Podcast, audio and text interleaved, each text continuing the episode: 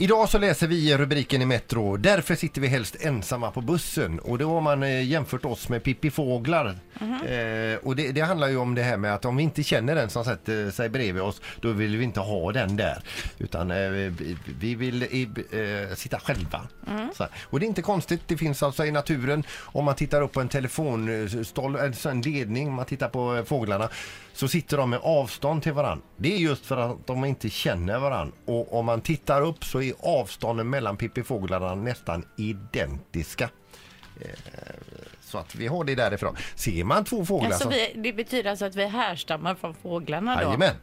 Eh, och ser man två eh, fåglar som sitter tätt intill varandra så har de troligtvis precis legat med varandra.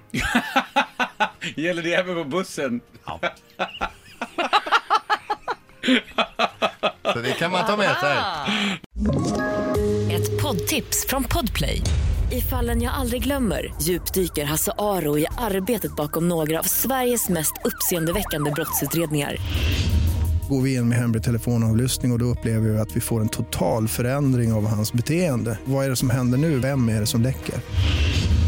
Och så säger han att jag är kriminell, jag har varit kriminell i hela mitt liv men att mörda ett barn, där går min gräns. Nya säsongen av Fallen jag aldrig glömmer på Podplay.